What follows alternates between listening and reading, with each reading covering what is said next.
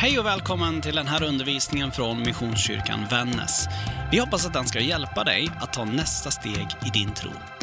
Är du intresserad av mer från oss eller vill kontakta oss så hittar du allt det du behöver på www.missionskyrkanvannas.se eller på de vanligaste sociala plattformarna. Välkommen hem!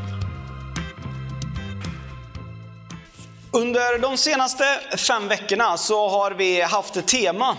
Vi har haft det genom att vi har predikat de här tema, det här temat. Vi har haft en, en bibelläsningsplan man kan hänga på med. Vi hörde om det här bibelsamtalet innan där vi har diskuterat det.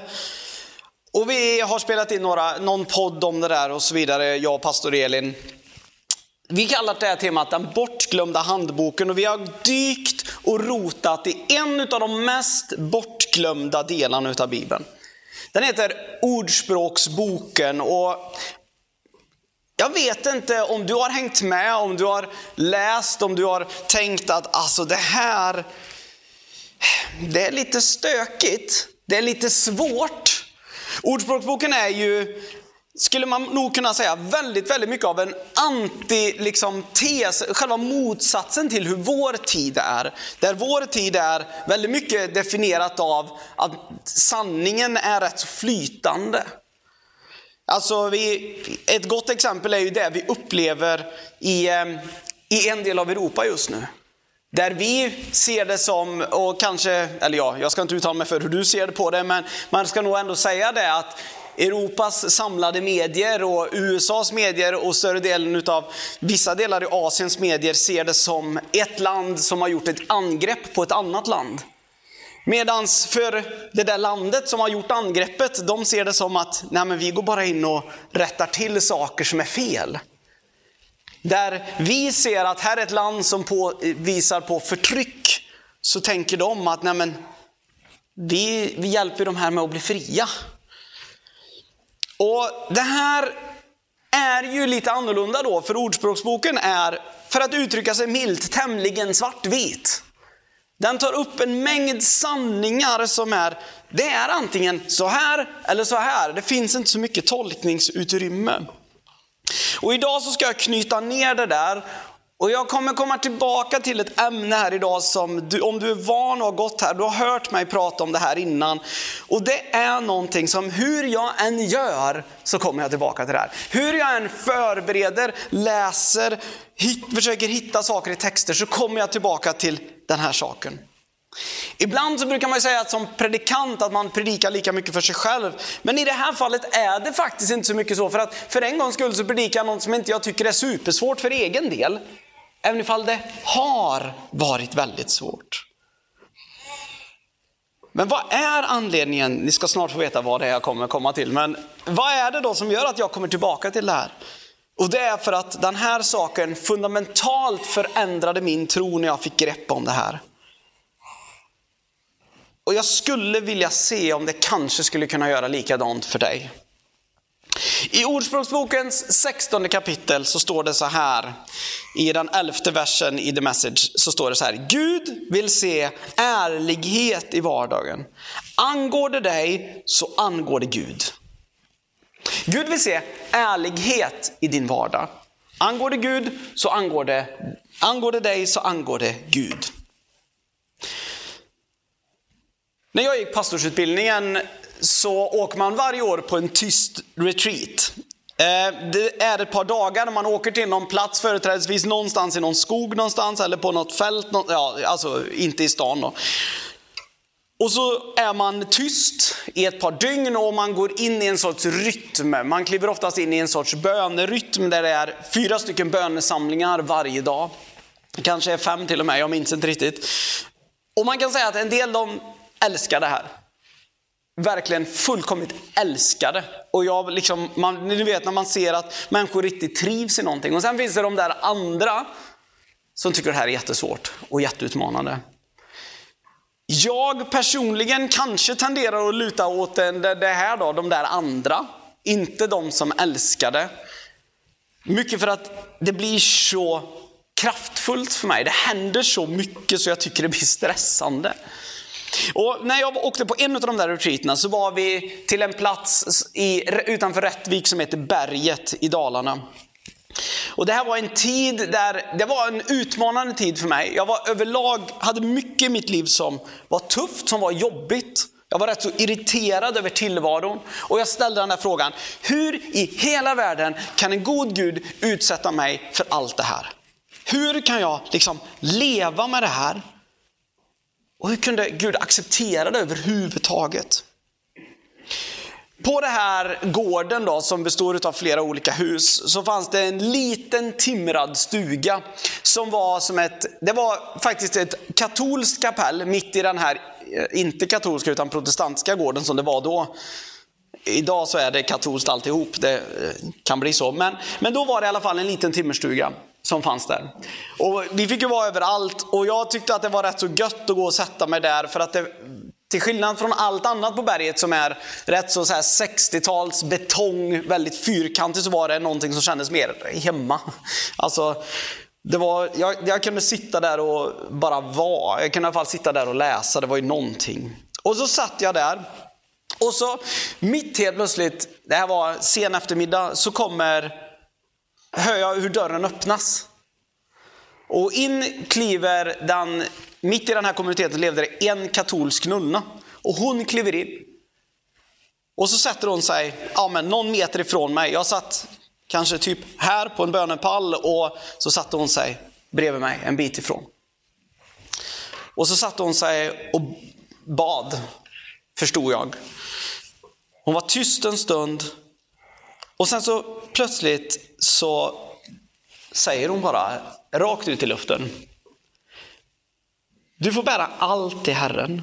Herren tål din kritik. Herren tål höra din irritation. Allt som angår dig angår Herren. Låt oss säga så här, syster Sofie som hon heter, hade jag aldrig pratat med innan. Jag hade aldrig på något vis liksom stött på henne. Låt oss säga i ärlighetens namn så kände jag det att jag tyckte det var lite funky att det sprang runt en liksom katolsk nunna lite här och var. Och, och jag hade väl mina bevakningar mot och tänkte att nej, katolska kyrkan är lite tveksam till det och sådär. Men hon mötte mig med precis det jag behövde höra där och då. Efter några minuter så ringde klockan in till liksom kvällsbönen som var på någon annanstans och hon reste sig och gick därifrån. Jag satt kvar kan vi säga. Jag var rätt så stum inför att jag hade varit irriterad, jag hade varit arg. Jag hade inte sagt någonting, jag hade inte gjort någonting, jag hade bara suttit där. Men hon hade fullt ut berättat det jag behövde höra. Den kvällen så var jag brutalt ärlig mot Gud över min situation. Och jag fick tag på någonting där och då.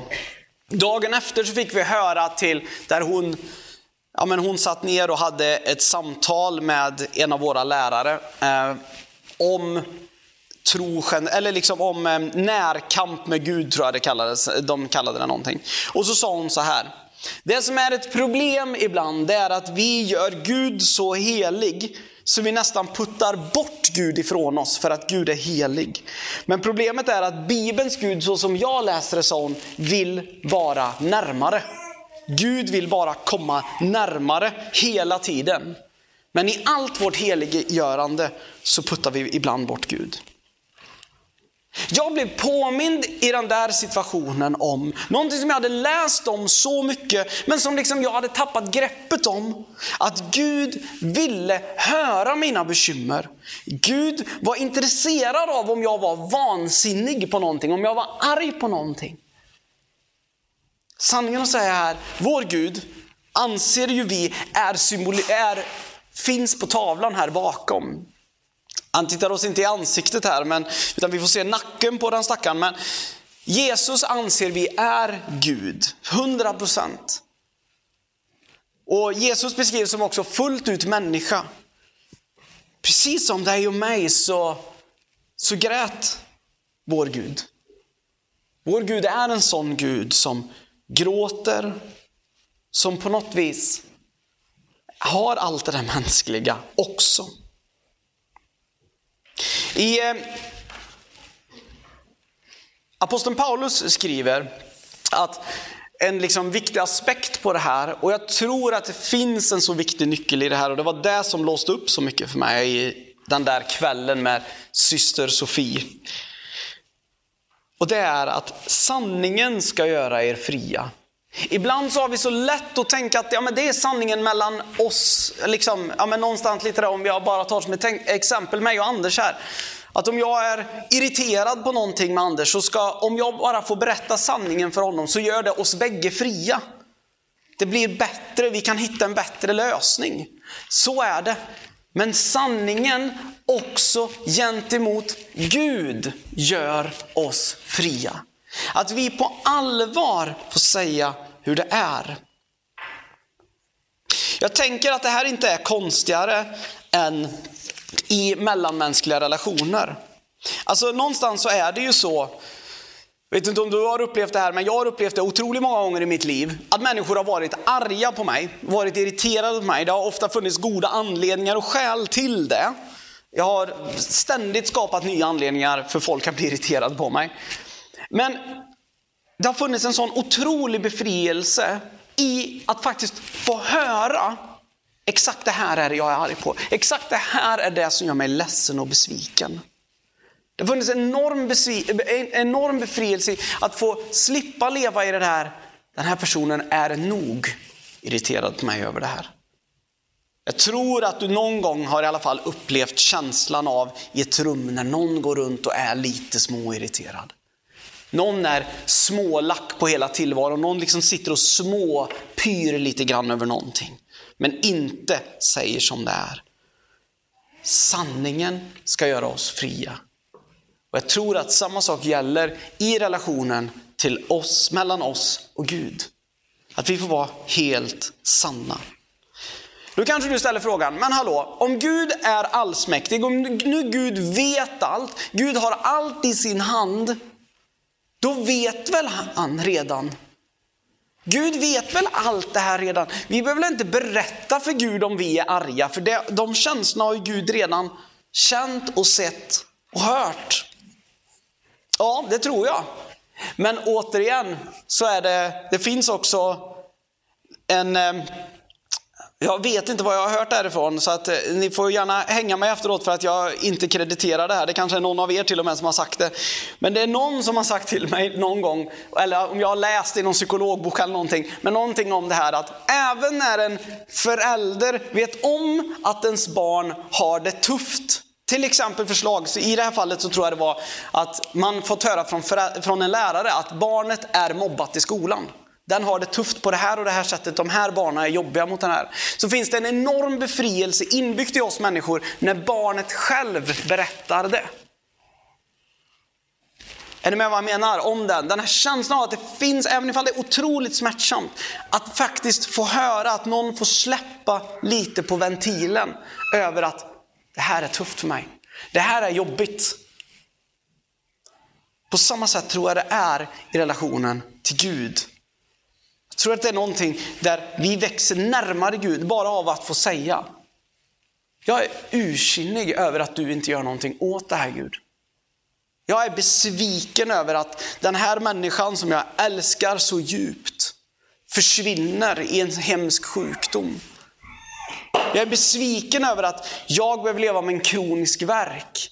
Jag är besviken över att här kämpar jag, kämpar jag, kämpar jag. Jag bara faller och faller och faller. Jag är besviken och arg och ursinnig över att det känns som att allt går fel. Vad jag än tar mig för. Sanningen ska göra oss fria. Men du, nu är det så här. Nu har vi rört vid halva poängen med texten. För den här texten har ytterligare en poäng.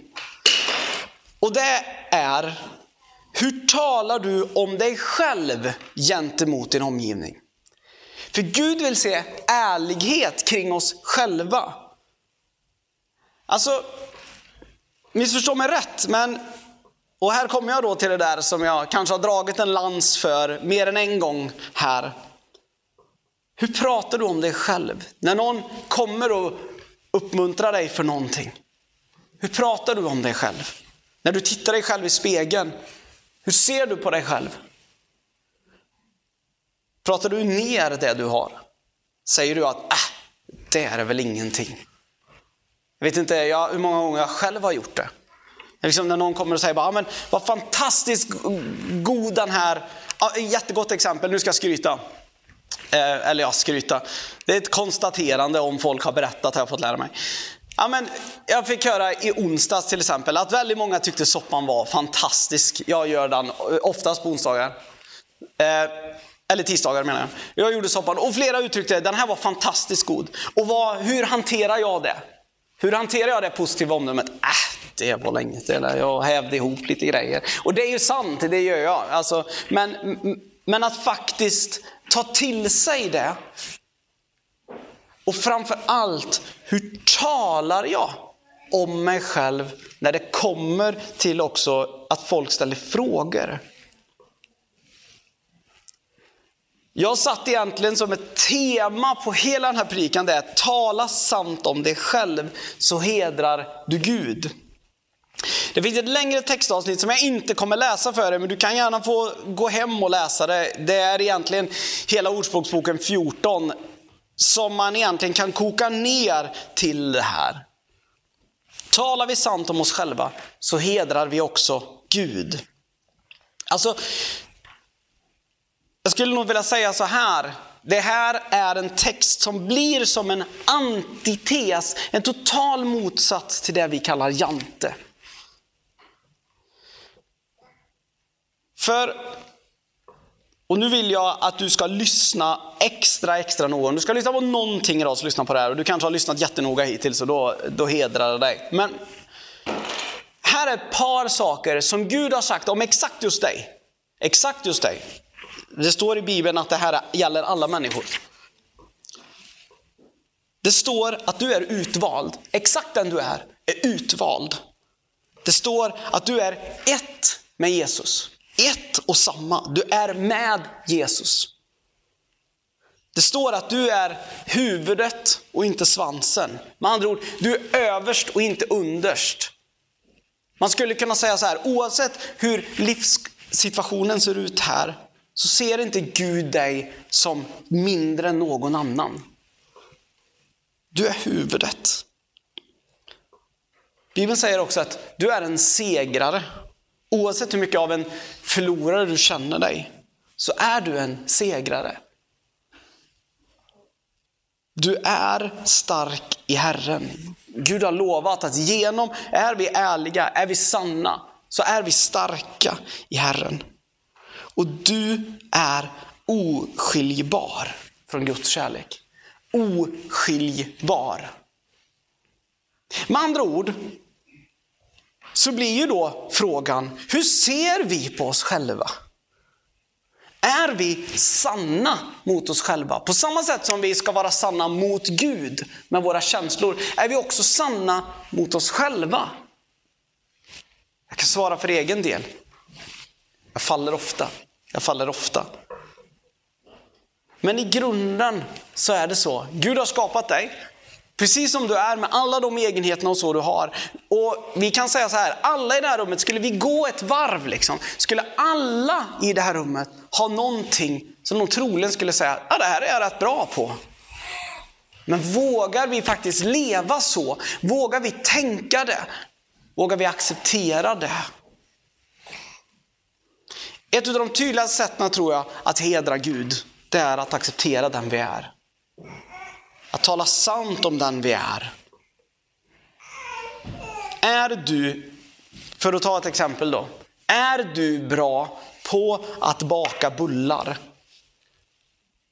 Då är det någonting som hedrar Gud om du gör det. Är du bra på att dra samman människor för att skapa gemenskap, för att människor ska känna sig hemma och välkomna. Det är någonting som inte bara hedrar det sammanhanget, som inte bara gör det så himla gött att vara i närheten av dig, utan det hedrar Gud. Men varje gång, Jag vill inte lägga någon press, det är mer konstaterande, men varje gång som du och jag faller undan och säger så här, nej alltså jag är inte så himla bra alltså. Varje gång vi gör det, så är det samma sak som Adam och Eva gjorde i lustgården. De gick och gömde sig när Gud såg, när Gud kom efter att de hade syndat. Varje gång som vi, liksom försöker, som vi inte liksom vill stå för dem vi är, varje gång så gömmer vi också Gud. Jag vet inte om du minns det här, men för ett par veckor sedan så pratade jag om att vi är skapade i grund för att skina Guds välsignelse. Vi är liksom i grunden skapade att vara en avbild. Jag ska göra en illustration. Den här väggen här, det är någonting som vi kan gömma oss bakom. Den väggen är en vägg som vi kan kalla den Jante kanske? Ska vi göra det? Vi kan till och med använda den här dörren, det blir ännu mer effektfullt. Den här dörren är Jante. Och då är frågan, vart vill vi befinna oss? Här ute, där Gud har sagt, jag har skapat dig för att vara här med dina gåvor. Eller tänker du, nej, de här bullarna, de är inget vidare, alltså jag knallar in här och så ställer jag mig här istället. Det är klart att det är väldigt bekvämt och skönt att stå här inne. Det är det. Men i grunden så är det något som går snett. Inte bara för oss själva, utan också i vår relation till hur Gud vill att vi ska vara. Varje gång du och jag liksom trycker ner oss själva så blir det på något vis som att vi också säger Gud, det du har skapat det är inte gott nog. Det är inte så som du hade önskat. Ni minns att jag sa innan att vår Gud är en Gud som gråter. Jag tror det finns få gånger som Gud gråter så mycket som när vi trycker ner oss själva.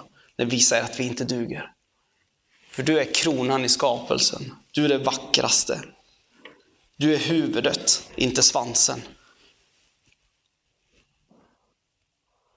Du är oskiljbar från Guds kärlek. Varenda gång du känner, jag duger inte som jag är. Varenda gång, påminn dig själv om, det är inte du som har skapat dig som du är. Varenda gång du säger, jag duger inte som jag är, så är det praktiskt taget att säga, Gud, det här gjorde du inget vidare då. Säger jag det här för att du ska känna vet hut? Nej, knappast. Tvärtom. Snarare för att uppmuntra dig. Du kan inte kämpa liksom för att vara liksom, ja men, för att vara bättre skapad. Du är skapad som du är. Och det duger inte bara. Det är exakt så som Gud vill ha dig. Det är exakt så som Gud vill ha dig. Hur knyter vi då ner fem veckor av ett harvande i en bok som är svartvit, som är utmanande, som är tuff kanske stundtals? Hur knyter vi ner det? Hur sammanfattar vi det här? Vad är Ordspråksboken för himla bok egentligen? Ja, Ordspråksboken det är en bok som samlar visdom. Där började vi. Livsvisdom. Jag skulle säga så här, det Ordspråksboken på något vis försöker sammanfatta, om vi drar det hela i ett stort sammanhang, det är här var Guds urtanke. Här var grundidén. Här är det som vi kanske kan se inom oss. Och det är en väldigt tydlig handbok i att se, oj, Gud längtar alltså efter att jag ska vara ärlig. Gud längtar efter att jag ska skydda mitt hjärta. Gud älskar vissa saker, Gud har svårt för vissa saker. Jag skulle säga så här, vad kan man använda Ordspråksboken till?